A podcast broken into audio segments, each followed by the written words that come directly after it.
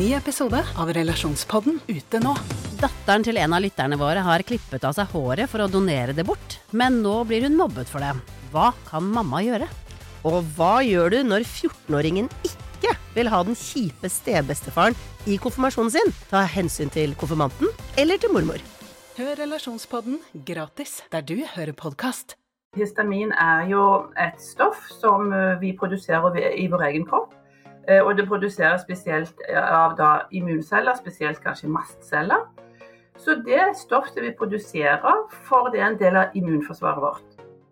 Hei dere, velkommen til oss. Vi er Biohacking Girls, din podkast for optimal helse.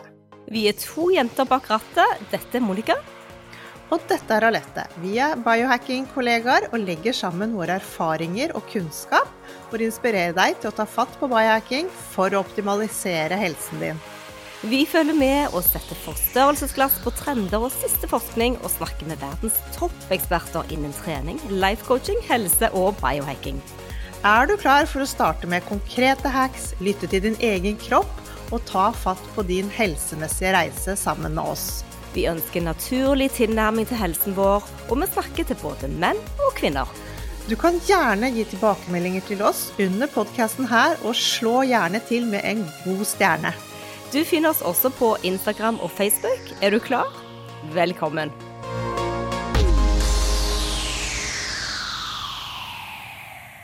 En fjerdedel av befolkningen lider av en eller annen form for allergi, og minst én av 100 barn har cøliaki.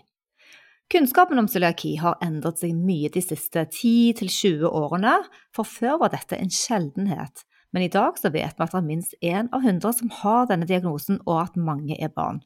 Mange har også sykdommen uh, uten å være egentlig klar over at de lider av dette. Hva skjer med samfunnet vårt? I dag er man allergisk og intolerant til så mye. Man tar tester, noen av disse testene støtter fastlegen din opp om, mens andre er det nesten så de litt ler og håner deg av. Noen blir friske av å kutte matvarer, mens noen leger påstår at det er veldig dumt å drive med denne kuttingen. Mange går bare rundt og føler seg dårlige. De er jo ikke syke direkte, de har ingen diagnose, men de føler seg bare ikke bra. Og i denne podkasten i dag så snakker vi til denne gruppen mennesker som går rundt og er litt forvirra. Og vi kan òg bli litt forvirra. For hva betyr de forskjellige begrepene som går på allergier og intoleranser og sånn? Hva lider folk av, og hva skjer når man er allergisk? Vi har med oss Sofie Hekseberg, og hun er rett og slett igjen bokaktuell, denne gangen med boker 'Når sunn mat gjør deg syk'. For en kul tittel! Vi skal i dag få oppklart en del begreper, mistenkeligheter og misledelser. For man kan jo bli litt forvirret, men vi tror at masse kunnskap på dette, det må være topp. Dette å kjenne sin egen kropp og kjenne ditt eget reaksjonsmønster på det du spiser. Sofie Hekseberg hun er utdannet lege og har doktorgrad i ernæring fra Universitetet i Bergen. Hun har jobbet som overlege ved Statens legemiddelverk, og siden 2006 så har hun brukt mat som medisin i møte med pasientene sine. Og I 2010 så startet hun med sin ektefelle Erik, eh, doktor Heksebergs klinikk. Og hun jobber med vektproblemer, med diabetes, høyt blodtrykk, kroniske betennelser og autoimmune sykdommer. Sofie er medforfatter av hele fem bøker og syv kokebøker, og dette er alt ulike temaer innenfor mat og helse. Ja, som sagt så er hun aktuell med den nye boken 'Når sunn mat gjør deg syk'. Og Sofie Hekseberg hun kommer også til Biohacking i Viken. 23.9. skal hun holde foredrag, det gleder vi oss skikkelig til. Velkommen til Biohacking Girls, din podkast for optimal helse. Sofie Hekseberg, velkommen tilbake til podkasten vår. Tusen hjertelig. Du har skrevet nok en bok. Du er en driftig lege og uh, bidragsyter på helsefeltet. Fortell oss hvorfor dere to har skrevet denne boken. Ja, så Jeg ble kontaktet av, eh, av Lian Kirkesæter, og hun har jeg kjent i en sånn tiårsperiode. Hun var først hos oss nede på noen kurs vi hadde i Spania. Vi drev jo med kurs der nede. Og så også da har hun hatt kurs der selv også, og så, ja, så vi har holdt litt kontakten. Eh, og så kontaktet hun meg fordi at hun hadde en historie med altså, Hun var syk siden hun var barn, egentlig. Vært utredd i øst og vest. Ingen har funnet ut noen ting. Vært på sykehus hos spesialister og overalt. Eh, og så ved en ren tilfeldighet så tok hun en prøve på histaminintoleranse, og så viste det seg at det var det hun hadde. Og når hun da la om til histaminredusert diett, så forsvant jo veldig mange av de symptomene hun hadde. Så hun ønsket jo å fortelle om dette, sånn at andre kan ha nytte av de erfaringene hun har gjort seg. Og dermed så spurte hun meg, og jeg kunne ikke så veldig mye om dette, det må jeg bare innrømme, men jeg tenkte ok, jeg får lese meg opp der. og du vet når du skriver en bok, så lærer du mye nytt. Så jeg leste meg litt opp på det og begynte å være litt obs på pasientene som hadde litt sånn uh, symptomer som jeg ikke var helt obs på, kanskje. Og dermed så, ja, så skrev jeg den boken i løpet av et års tid, og nå er den ute. Så um, det er veldig lite litteratur om det. Det er ikke noe norsk bok om det. Det er en del engelsk litteratur på det, men uh, lite oppmerksomhet på dette i Norge og ja, i helsevesenet i det hele tatt. Så det var liksom starten på det. ja. Kjempeinteressant. Og du har jo doktorgrad i ernæring fra Universitetet i Bergen. Og jeg tenker det, Hvordan har histaminintoleranse liksom utviklet seg i kunnskap fra den gang til nå? Visste du noe den gang om det? Nei, vi lærte jo ingenting av det på medisinstudier overhodet. Men eh, altså, det har vært kjent, dette med histamin ble kjent i 1946. Og da var det pga. noe bedervet tunfisk, og så var det noen som fikk veldig mye sånn forgiftningssymptomer. Og da blir man obs på dette histaminet. Men, men så det, det, produseres jo i mat som har ligget lenge. F.eks. da hvis fisk har ligget lenge, det var da tunfisk. Eh, men så nå i det siste har man blitt mer og mer obs på at eh, dette kan jo eh, være et problem for mange flere enn akkurat de som blir forgiftet. Så, så, så, hvis du tenker på hva histamin er Histamin er jo et stoff som vi produserer i vår egen kropp. Eh, og det produseres spesielt eh, av da, immunceller, spesielt kanskje mastceller. Så det er et stoff som vi produserer, for det er en del av immunforsvaret vårt. Så det er meningen at det skal ta seg av eh, og prøve å kvitte seg med bakterier, virus, giftstoffer, fremmede ting som ikke er bra for oss. Så det produseres jo da mye histamin, spesielt de stedene som er forsvaret vårt, da, huden, fordøyelsesapparatet, altså ned gjennom tarmen, og luftveiene. Så der må vi ha barrierer, og da er histamin en del av den beskyttelsen vår. Eh, så er det da, eh, og så er det da, hvis dette fungerer fint, og det fungerer hos de fleste, altså vi produserer histamin, og vi spiser mat som inneholder histamin, og så har vi da noe som bryter ned histamin. Så hvis det er en likevekt der, så er alt vel. Problemet er hvis det blir for mye histamin. Da får man masse negative symptomer. Og for mye histamin det kan man f.eks. få hvis man har bakterier i tarmen som er litt i ubalanse. Så man har for mye av de bakteriene som produserer mye histamin. Da blir det mye. Og så kan det være noen sjeldne sykdommer som heter mastcellesykdommer. Og da kan det være at man, altså man har for mange mastceller, produserer for mye histamin. Eh, eller man har veldig sånn overaktivitet på disse her.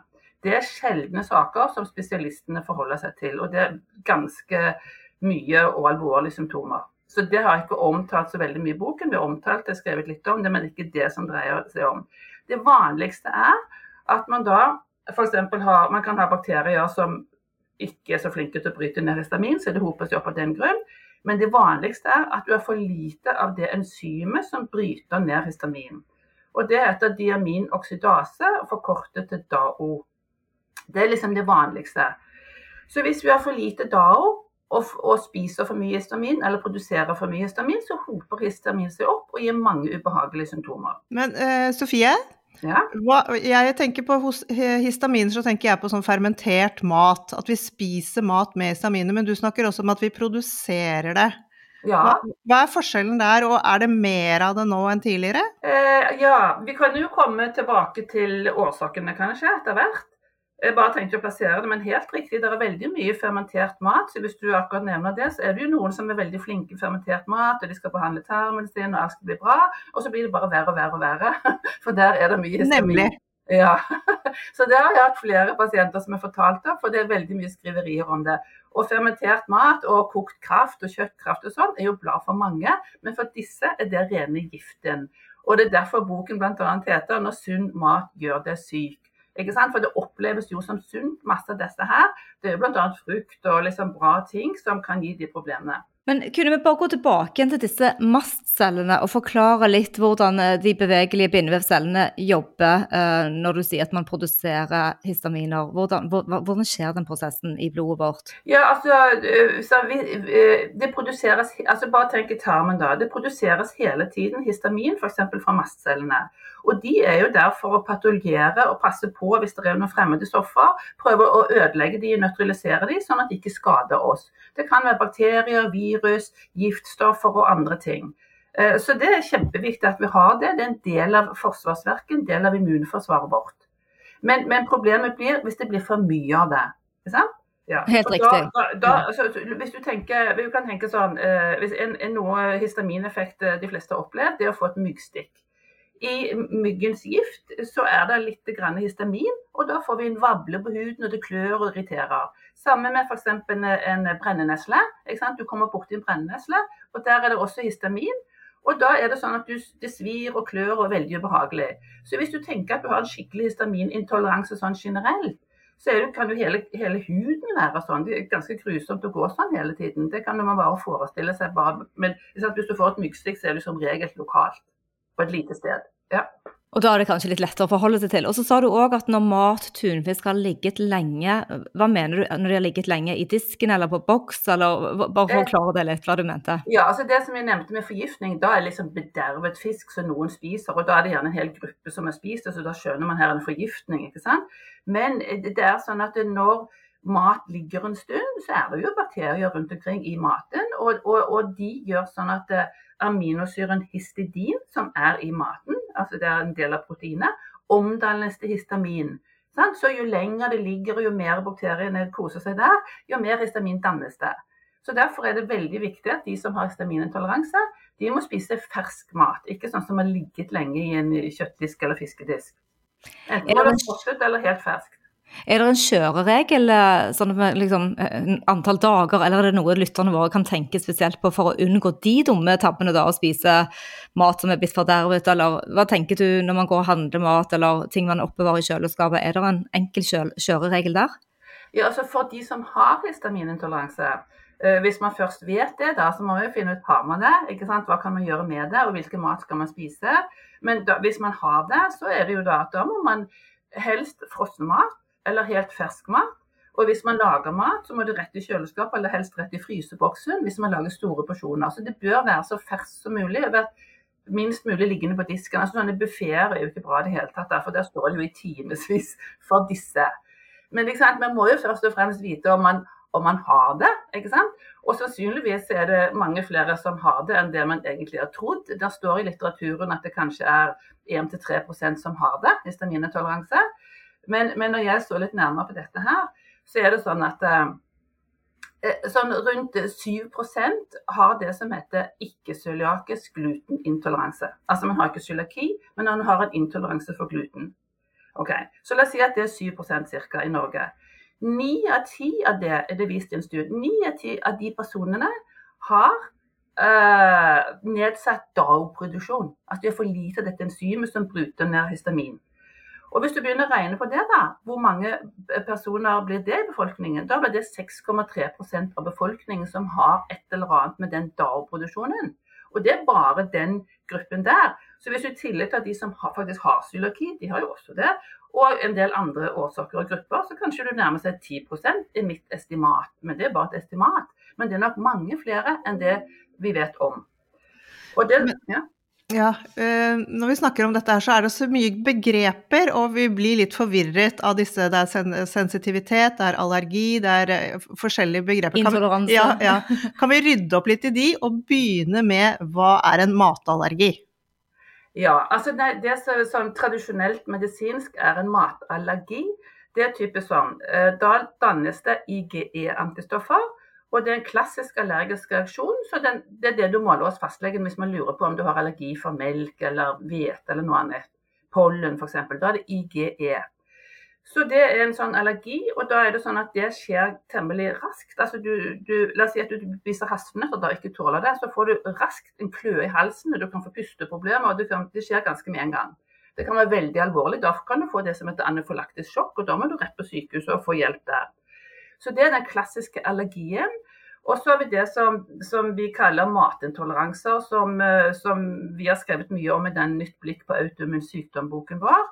Og der er det altså en proteinintoleranse, da, f.eks. Altså IGE er også et protein, men når vi, tar, vi måler IGG-antistoffer, da er det en langsom allergi eller en intoleranse. Så det har jo vi jobbet veldig mye med. Så jeg tenker jo at eh, det kan jeg komme litt tilbake til, men jeg tenker at mange av de som har blitt bra av en såkalt IGG-matintoleranse, også hatt en uh, histaminintoleranse som kanskje er blitt bra fordi de har gjort veldig bra ting med tarmen sin. Og, så, og da har du også f.eks. Laktoseintoleranse. Det er jo også en intoleranse. Og det kan på en måte litt sammenlignes med histaminintoleranse i den forstand at du har for lite av det enzymet som bryter ned laktosen i melk. Altså det Melkesukkeret skal brytes ned av laktase, som er et enzym som du kan sammenligne med at histamin skal brytes ned av DAO. Så litt av det samme. Så det er, jo, det er forskjellige sånne typer intoleranser. Og så har du, ja, så har du da histaminintoleransen, som, da, eh, som vi snakker om nå i dag. da. Og så den matsensitivitet, det er også et ord som blir mye brukt. Er det det samme som intoleranse? Ja, jeg tror jeg kan si det. For du, for du, har den klassiske allergien som IGE, som, eh, som er vanlig i medisinske termer, og så har du liksom det andre, da. Mm. Eh, mm. Som, man kan bruke ulike begreper mot for. Ja. Mm. Men det er jo en dramatisk økning i både dette med allergier. Nå kan vi jo ikke spise nøtter på fly lenger, for det er så mange som reagerer. Hva kommer dette av? Ja, altså jeg tror at det kommer av, eh, det kommer av uh, veldig mye andre ting. Altså jeg tenker sånn, Mennesker har nok uh, siden tidenes morgen spist nøtter hvis de fant et tre med nøtter på. For der var det veldig mye energi på kort tid på et tre. Så det har nok vi tålt å spise. Eh, men vi gjør veldig mye annet som er veldig unaturlig. Sant? Det er jo bare å tenke på naturen da. Hvis du treffer på en ulv eller en bjørn på våren, så går det ikke nyser og renner i nesene og snørrete og må ha antihistaminer. De klarer seg fint der ute.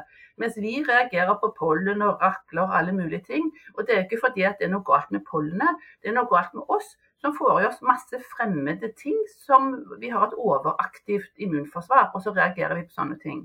Så mange som legger om kosten og kutter ut det de f.eks. virkelig ikke tåler, la det være gluten eller melk eller sånne ting, de vil jo, og mange av de oppdager jo oi, nå tåler jeg liksom våren, nå er det fint uten antihistaminer. Så da roer immunforsvaret seg veldig ned. Mm. Ja. Så, så, hva kan man gjøre? altså Én ting er jo å forstå kostholdet, og, og, er det andre faktorer som spiller inn? Eh, vi vet jo at ultraprosessert mat og stress er mange faktorer, men hva tenker du man burde adressere eller eh, ta hensyn til for å i alle fall prøve å roe ned immunsystemet? Ja, altså jeg tenker jo sånn generelt, så eh, på en måte et steinalderkosthold er veldig bra. Men eh, hvis du, altså naturlig mat laget fra grunnen, det vi er tilpasset, ikke bondesamfunnet, ikke korn og gluten, det er veldig mange som reagerer på det. Veldig mange reagerer på melk, veldig mange reagerer på prosessert mat osv. Så, videre. Så det syns jeg er bra for de fleste.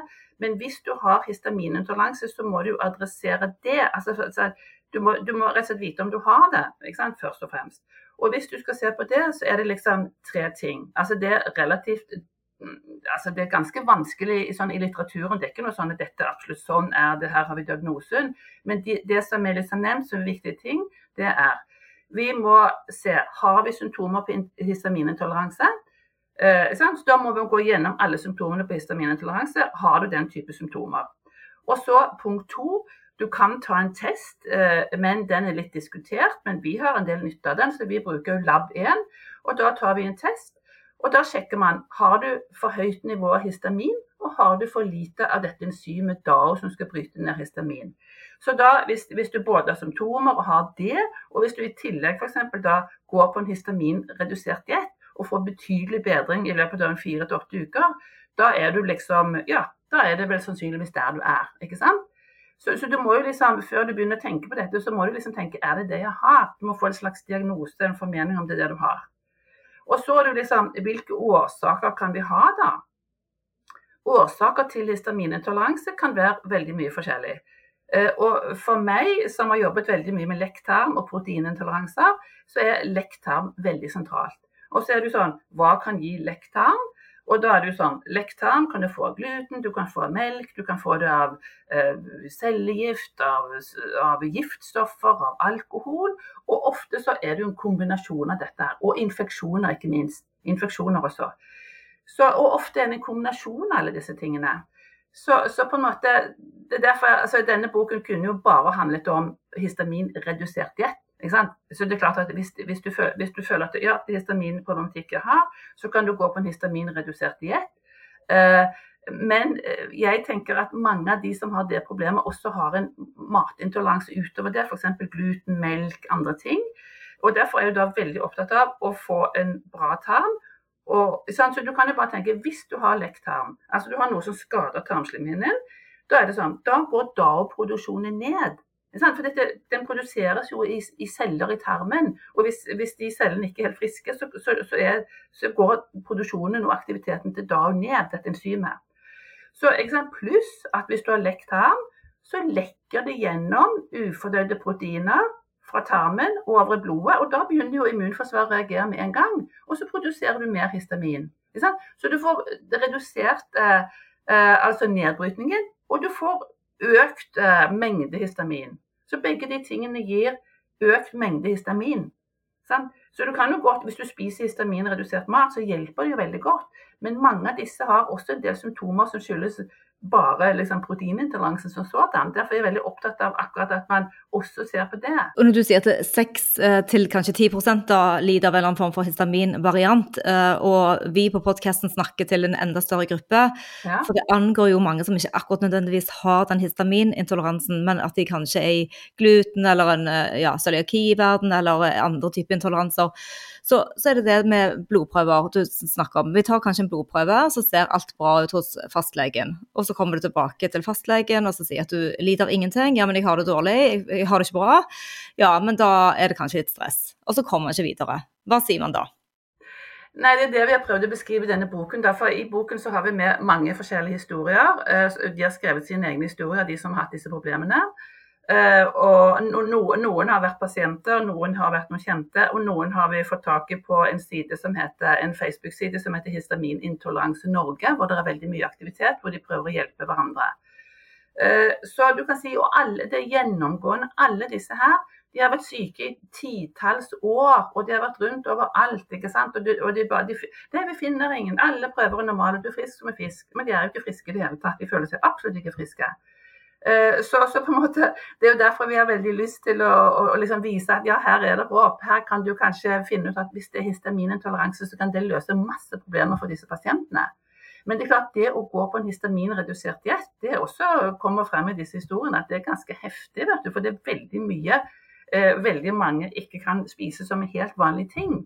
Det, det er på en måte ja, sant? Det er spekeskinke, det er makrell i tomat, det er, kan være bananer og jordbær, det kan være kaffe og te. Og alkohol er jo absolutt ikke bra, og spesielt ikke rødvin.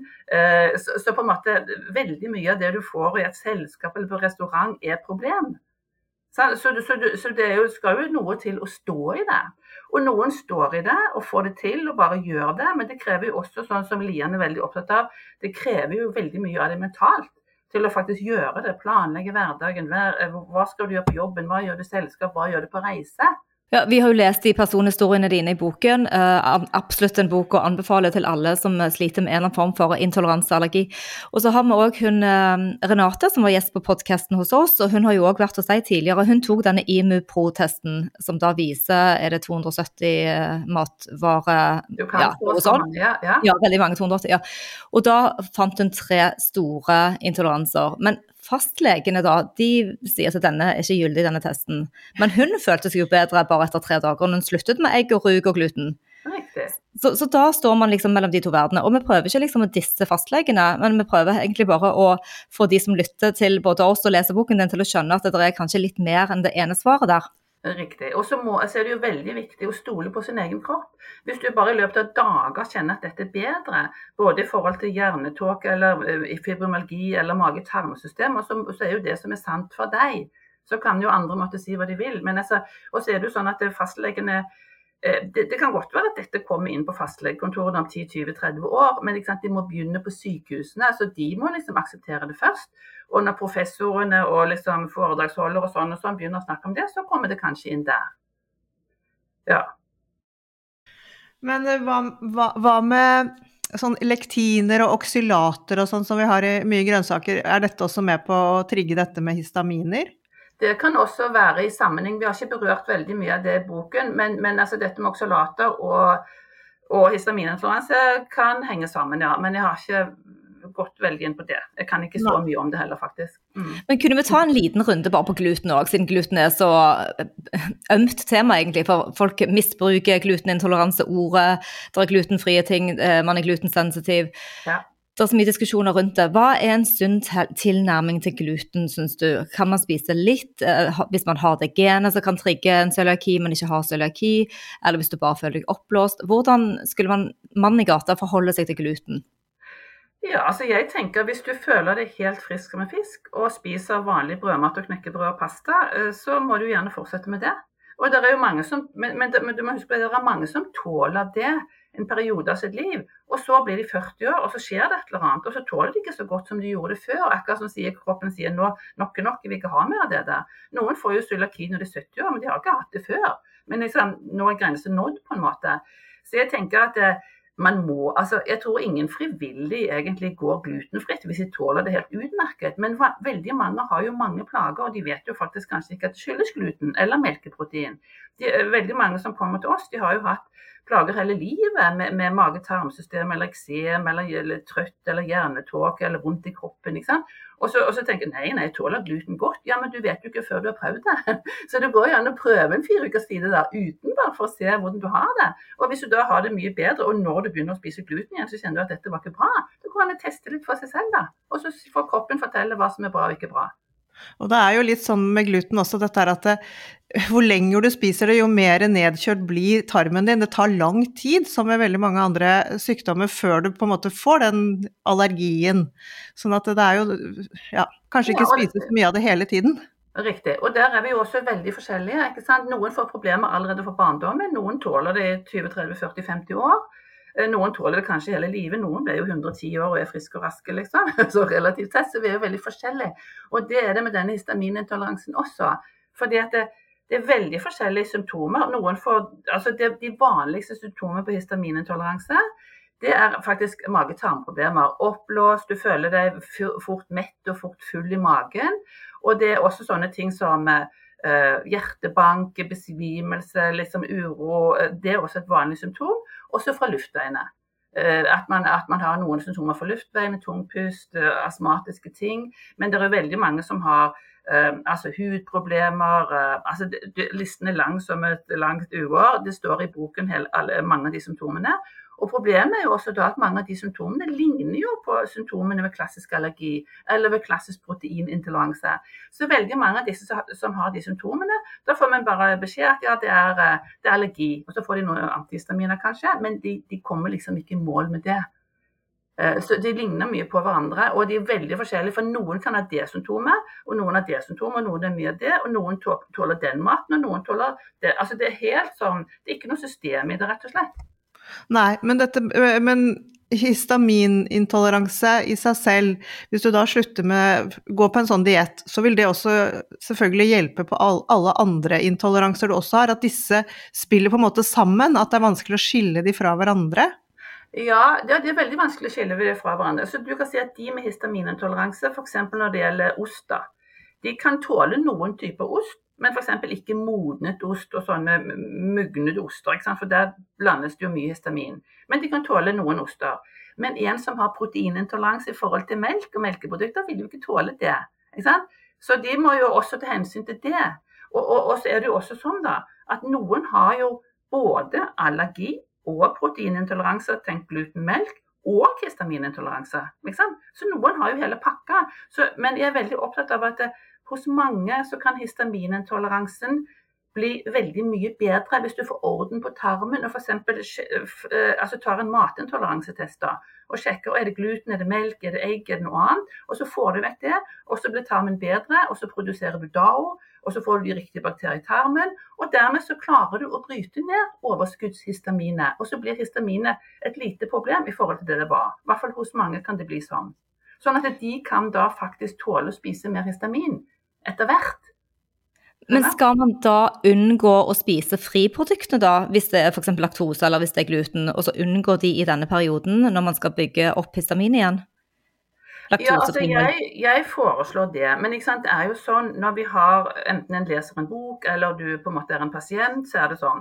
Det er grenser hva folk kan få til. For det er ganske, det er ganske heftige dietter. Det er mye som må vekk. Så, så, hvis du tenker at jeg klarer ikke alt dette her, da kan man begynne på en histaminredusert diett. Og så kan man se hvilken effekt man får. Eller hvis du går all in, sånn som noen gjør, da går du både på histaminredusert og f.eks. tar vekk gluten og melkeprodukter. Alternativt tar en matintoleransetest først og sjekker er det gluten, er det melk, er det noe jeg bør, ikke bør ha. Det kan jo være enklere på en måte. Og så er det liksom, vi kaller det ofte kontroll alt elite. Da bare slår du ut datamaskinen eller din egen kropp, og så, så liksom sånn at du får roet hele immunsystemet. Og så begynner du å bygge opp forsiktig og se kan de tåle litt jordbær nå, altså med histamin i. Sant? Tåler jeg det? Og, og, noen, når de blir helt friske, selv om de har vært veldig syke litt av hvert, de kan jo tåle litt av og til, men ikke tre ganger om dagen. Ikke sant? Og det er jo veldig individuelt. Ja, veldig bra denne boken, din, eh, denne boken deres, da, at uh, nå blir det på en måte litt konkrete verktøy til å ta fatt på en egen reise. For det vi opplever mye tilbakemeldinger på podkasten vår og på Instagram, folk skriver til oss med så mange spørsmål, og vi skulle ønske vi kunne hjelpe, men vi kan bare vise videre til dere eller til leger. Og vi hadde da en runde med Lab1 hvor vi fikk en rabattkode, og flere tok denne IMU Pro-testen. Ja.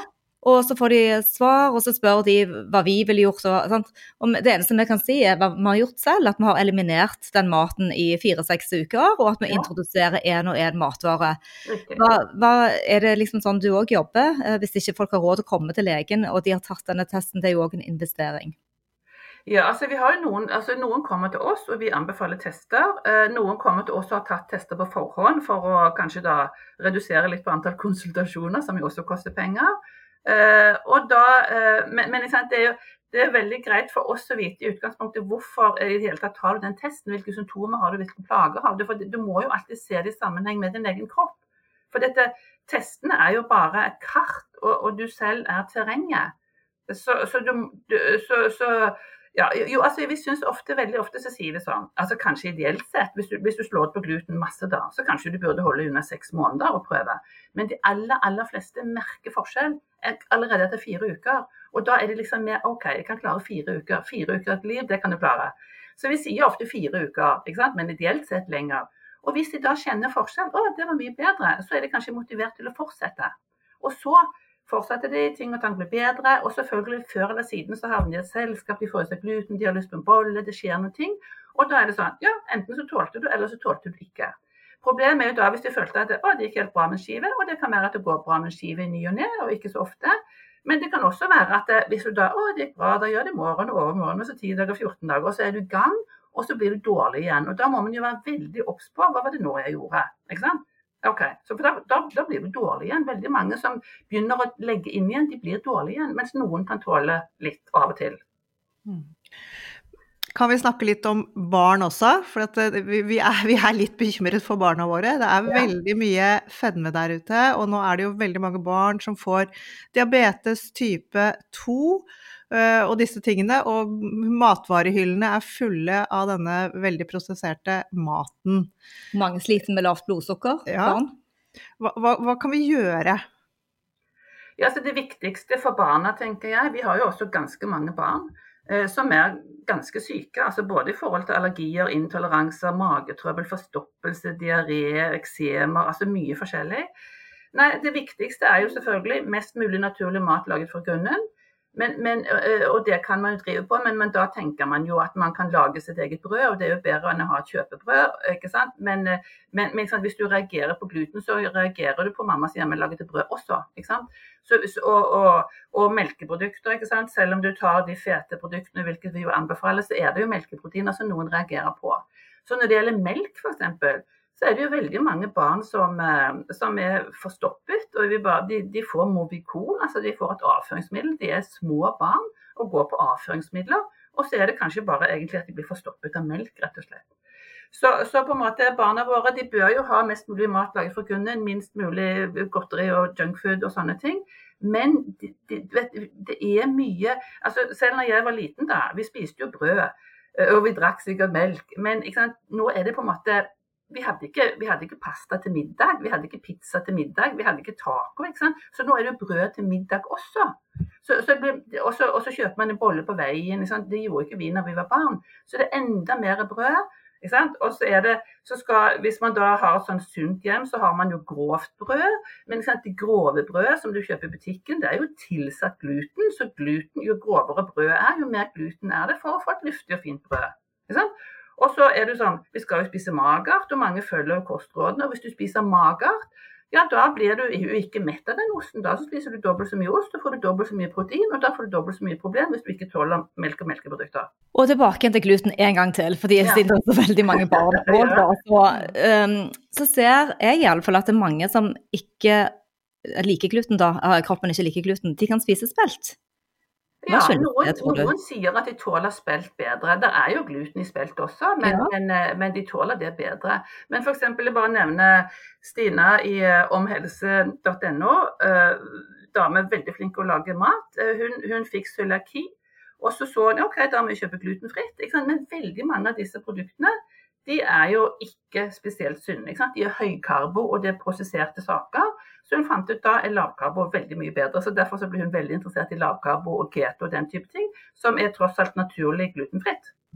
Ja. Veldig godt poeng, og da kan man jo også komme inn på den omega-3 og omega-6-ratioen òg, fordi at eh, i prosessert mat så blir det jo for mye omega-6. Altfor mye omega-6.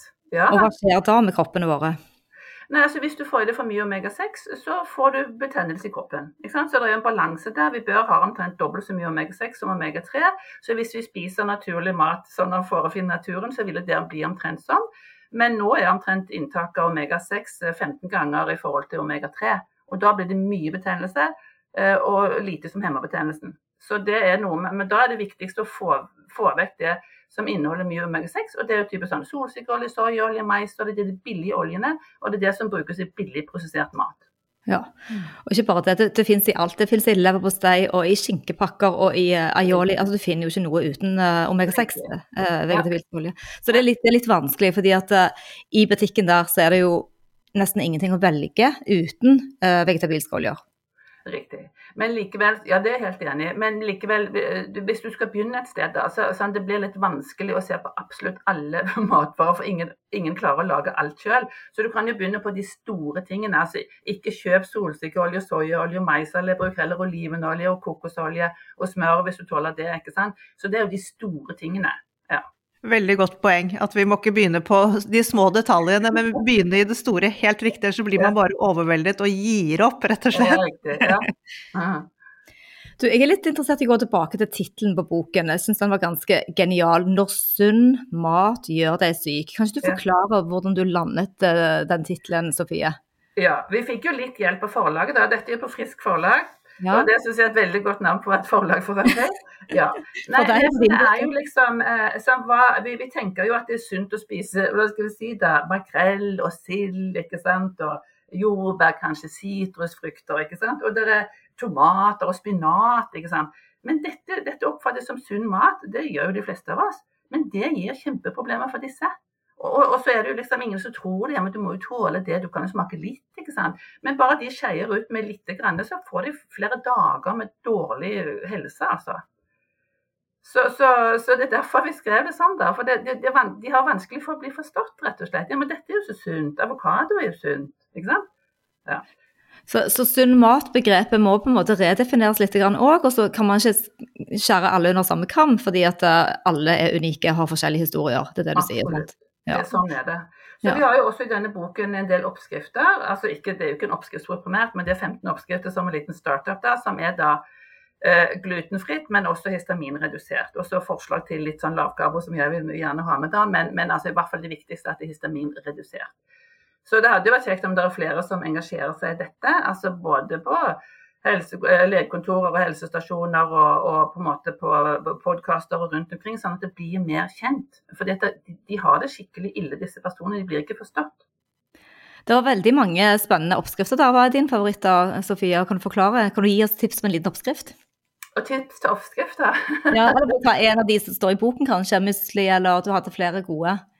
Ja, de, de, oppskriftene har spesielt eh, eh Lian stått for, for dette hun, det, hun lager den type mat. ikke sant? Men, men, det er jo på en måte enkle ting. altså for eksempel, Hun vil gjerne ha med knekkebrød med havregryn. Så sier vi kan du like godt lage knekkebrød uten havregryn. ikke sant? Så Det er mer sånn klassisk frøknekkebrød. da.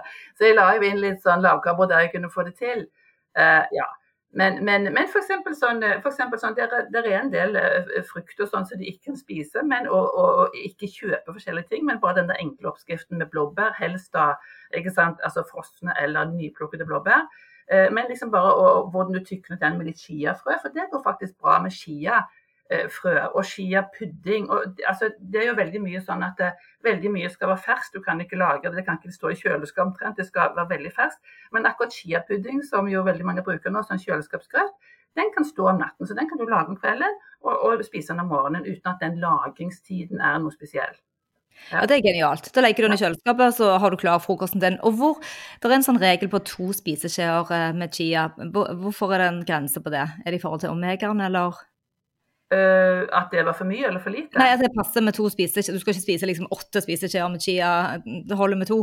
Ja, kan du si noe om det? Ja, akkurat den regelen har jeg ikke hørt om, men Det er helt sikkert men, uh, fordi på grunn av oljene. Ja. Oh, ja, sånn ja. Ja, OK.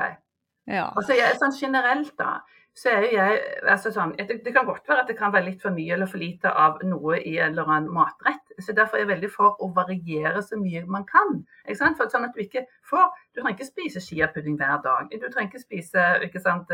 Du kan variere. Det er kjempeviktig å variere. Noen spiser altfor mye knekkebrød. Ikke sant? De spiser frøknekkebrød hele tiden, og det kan bli for mye omega-6 der òg. For det er jo mye frø med omega-6, f.eks.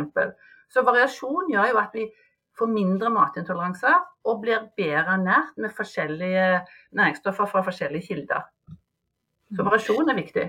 Veldig bra. Men også det, litt med sånn medisinering, hvis vi går til eh, Jeg kan jo snakke for meg selv, med pollenallergi som jeg har hatt. Ja. Går til legen, så blir det jo bare å skrive ut eh, medisiner. Allergimedisiner, ikke sant. Ja. Og så skal det døyve dette symptomet. Mange Ja. leger foreslår det, og særlig også hvis du sliter med IBS og sånne ting, så får du medisiner. Hva er dine tanker rundt dette i forhold til da med histaminer og allergier? Ja, altså jeg tenker altså, IBS det er det jo veldig mange som har, og de har jo også eh, ofte faktisk histaminintoleranseproblematikk. Eh, det, altså når, når, tarmen er irritert, så er det en grunn til at det er noe du stapper ned i den tarmen som man ikke liker, og derfor blir den irritert. Så enkelt er det for meg, og det er jo mat som går ned der. Så, så jeg tenker at IBS, den, eh, Vi har jo veldig mange med IBS, og veldig mange av de blir jo bra hvis de bare kutter ut den maten de ikke tåler. Og den de fleste ikke tåler, det er rett og slett eh, korn og melk, som jo vi spiser veldig mye av. Uh, ja, også dette med antihistaminer. det er klart uh, Antihistaminer jo, hjelper jo mange selvfølgelig om våren. Men som jeg sa, veldig mange blir kvitt sine allergier når de kutter ut mat de ikke tåler. For da roer immunsystemet seg og reagerer ikke på pollen, akkurat som ikke bjørn reagerer på pollen. Så, ja. men jeg kan bare nevne i forhold til histaminintoleranse, så er det jo et medikament som kan brukes, men det er jo ikke noe man kan bruke hver dag. Eh, eh, det er noe man skal bruke sånn skal det i et selskap, så kan det være nyttig å bruke. Så det går an å kjøpe det som heter DAO.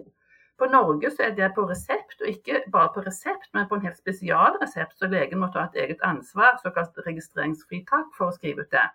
Mens jeg var i Sverige i sommer i Göteborg, så gikk jeg inn på et apotek, for jeg vet at de har det der. Hadde de ikke på apoteket, de har det på helsekosten. Så i helsekostbutikken så hadde de DAO, altså diaminoksidase. Eh, og det koster da 500 kroner for 60 tabletter. Så det er jo ganske dyrt. ikke sant? Det er omtrent 10 kroner tabletten. Så det er jo ikke noe du tar hver dag. Du bør ta det i en sånn nødsituasjon hvis du er et selskap og ikke helt vet hva du får i deg. Så jeg vil ikke anbefale noen å bare starte med DAO hvis de har en histaminintoleranse. De må først finne ut hva de tåler og hva de ikke tåler. Og da, må, da kan man ikke gå på et medikament, da må man kjenne på tåler jeg det, tåler ikke det. ikke sant? Får jeg reaksjoner jeg legger om kosten, tåler det nå? ikke sant? Så få en god oversikt over det. Og hvis du da har en oversikt over det, så kan du eventuelt bruke DAO i et selskap eller noe sånt på en reise. At du kan ha det i veska. Så for å oppsummere, så vil man da si at uh, mat som medisin, som du fremmer da, Sofie, det er første budskap. Ja. Ja, og uh, vi elsker jo å støtte opp med gode naturlige tilskudd fremfor medisin hvis man måtte ta noe tilskudd for å få det bedre. Er det da noen kosttilskudd som du tenker er bra hvis man enten har uh, ja, IBS eller intoleranser eller histaminintoleranse? Ja, altså Ved histaminintoleranse så er det spesielt eh, polyfenoler som man finner i noe frukt, f.eks. eple som kan være bra, eh, som det er noen studier på. Og så er, er, det viktig med, for å omdanne histamin, eh, bryte det ned, så er det viktig med sink og C-vitamin. Jeg tror det var kobber, det er noe der. Men liksom bare en multivitamintablett, altså bare sørge for at du har nok av det, kan jo være greit. Så det er jo noen som driver mye med tilskudd for at dette skal bli lettere. Nå har ikke vi fokusert veldig mye på det, men det står en del om det i, i engelske og amerikanske bøker. Ja. For flott, for jeg tenkte også kanskje det er noen vitaminer og mineraler som man tappes for òg eh, når man har en sånn type histaminintoleranse. Eh, eller, ja, eller vi kan i hvert fall si det sånn, da. Hvis du har en tarm som ikke er helt, altså hvor slimhinnen ikke er helt god, og er ikke helt frisk, så er jo opptaket av næring dårligere, akkurat som ved cøliaki eller ulcerøs kolitt eller mormisk kron. ikke sant? Da er opptaket dårligere, så veldig mange som har en slimhinne som ikke er bra, de ligger dårligere på vitaminer og mineraler. Sant? Det er jo logisk. Ja. Det er det. Du, dette er kjempespennende, og vi vil veldig gjerne at du tar nå en sånn liten oppsummering av boken din på slutten her. Bare sånn Highlights. Yes. ja, altså det er nok flere enn vi vet som har histaminintoleranse. Eh, det er veldig dårlig kjent i norsk helsevesen. Eh, allmennlegen har knapt hørt om det. Eh, så, så, de som har det, får veldig lite oppmerksomhet og lite behandling. De får bare klare seg sjøl. Histamin er noe vi lager i vår egen kropp. Det er en del av forsvarssystemet vårt. Det finnes også i mat, mye i noen matvarer, lite i andre matvarer, så det er forskjellig. Problemet er hvis det er en ubalanse mellom inntak, eller altså det som produksjonen eller inntaket og nedbrytningen. Og veldig mange har et tarmproblem hvor da eh, man produserer for lite av det som heter DAO, som er enzymet som bryter ned histamin. Og hvis du får for mye histamin, så får du veldig mange ubehagelige symptomer. Mage-tarm, du kan ha problemer med huden, rennende nese, øyne. Det ligner mye på allergisymptomer, men det er altså noe annet. Noen kan også ha både histaminintoleranse, proteinintoleranse og eh, allergi. Så det er jo en sånn, og Veldig mange blir oppfattet som at de har allergi og forsøkt behandlet med antihistaminer og sånn, men det er ikke det som er problemet. Så jeg tenker at det, Veldig ofte er det maten som er opplegget. En frisk tarm vil også gjøre at eh, du blir flinkere til å produsere DAO. Og da har du også lettere for, for å bryte ned histamin. Men det er veldig vanskelig fordi at det, eh, du blir liksom ikke trodd. Eh, det er vanskelig selskap, det er vanskelig på reiser. Så men klart, hvis du er interessert i å bli frisk, så må man gjøre en innsats. og Da får man bare stå i det. Og hvis man står i det og finner ut av det, eh, så eh, får man det i hvert fall veldig mye bedre. Kjempefint oppsummert. Ja. Og vi gleder oss jo veldig. Bare litt over en uke så kommer du på Biohacking Weekend og skal holde et foredrag. Ja. Eh, er du spent? Du òg. Vi er veldig spent på å høre deg som foredragsholder òg. Og dere er også veldig flinke til å spre dette glade budskap. Det må jeg bare si. Veldig bra. Vi prøver. Ja, kjempefint. Herlig. Tusen takk for at du kom på podkasten. Hjertelig takk for at du fikk komme. Ha det godt. Ha det bra. Det er alltid fint å snakke med Sofie. Hun forklarer ting, setter ord på ting, så vi forstår eh, litt av forskjellene og utfordringene. Og så er det alltid noen konkrete ting man kan gjøre, og det syns jeg er veldig bra. Jeg er helt enig. Hun er, eh, hun er, jo et oppslagsverk når, når, det gjelder alt dette med mat, og hva faktisk denne maten gjør med oss. Og jeg må jo si at selv dette med histamin var jo en av de grunnene til at jeg ville teste, husker du, for noen år siden carnivore diet, for da hadde jeg hørt at det kunne være bra. Og jeg må jo si at sånn som hun snakker om, det virkelig min allergi er jo nå har jeg hatt to sesonger hvor jeg har sluppet medisiner og ikke hatt symptomer. Og da eliminerte jeg, og så tar man og tester de matvarene man eh, har lyst til å prøve igjen, og så går det veldig ofte bra hvis man er robust i utgangspunktet. Men du Alette, jeg har aldri tatt allergimedisiner, men iallfall, hvordan virker de på deg? Blir du trøtt, eller blir du uggen av eh, allergimedisiner? Nei, jeg må helt ærlig innrømme at eh, de gamle eh, allergimedisinene de kunne man bli trett av, men de, de, nye, de du får i dag, de blir du ikke trett av. Men jeg må også si at jeg syns ikke det hjelper. Jeg syns det bare er tull. Det er så mye annet man heller kan gjøre. men jeg, jeg, tror de virker bedre på sånne akutte allergier som at du har fått i deg et blåskjell som er dårlig og sånn. Da vil jeg pøse på med Syrtec. Men sånn i forhold til mine allergiplager, så Nei, jeg var ikke noe særlig forskjell. Men uansett så håper jeg at dere lyttere der hjemme fikk noen gode tips fra Sofie. Og boken hennes heter jo 'Sunn mat som gjør deg syk'. Vi syns jo det er en tankevekker at tittelen heter det. Og vi skal legge link til boken her i shownotes. Så ønsker vi dere en nydelig uke. Happy biohacking!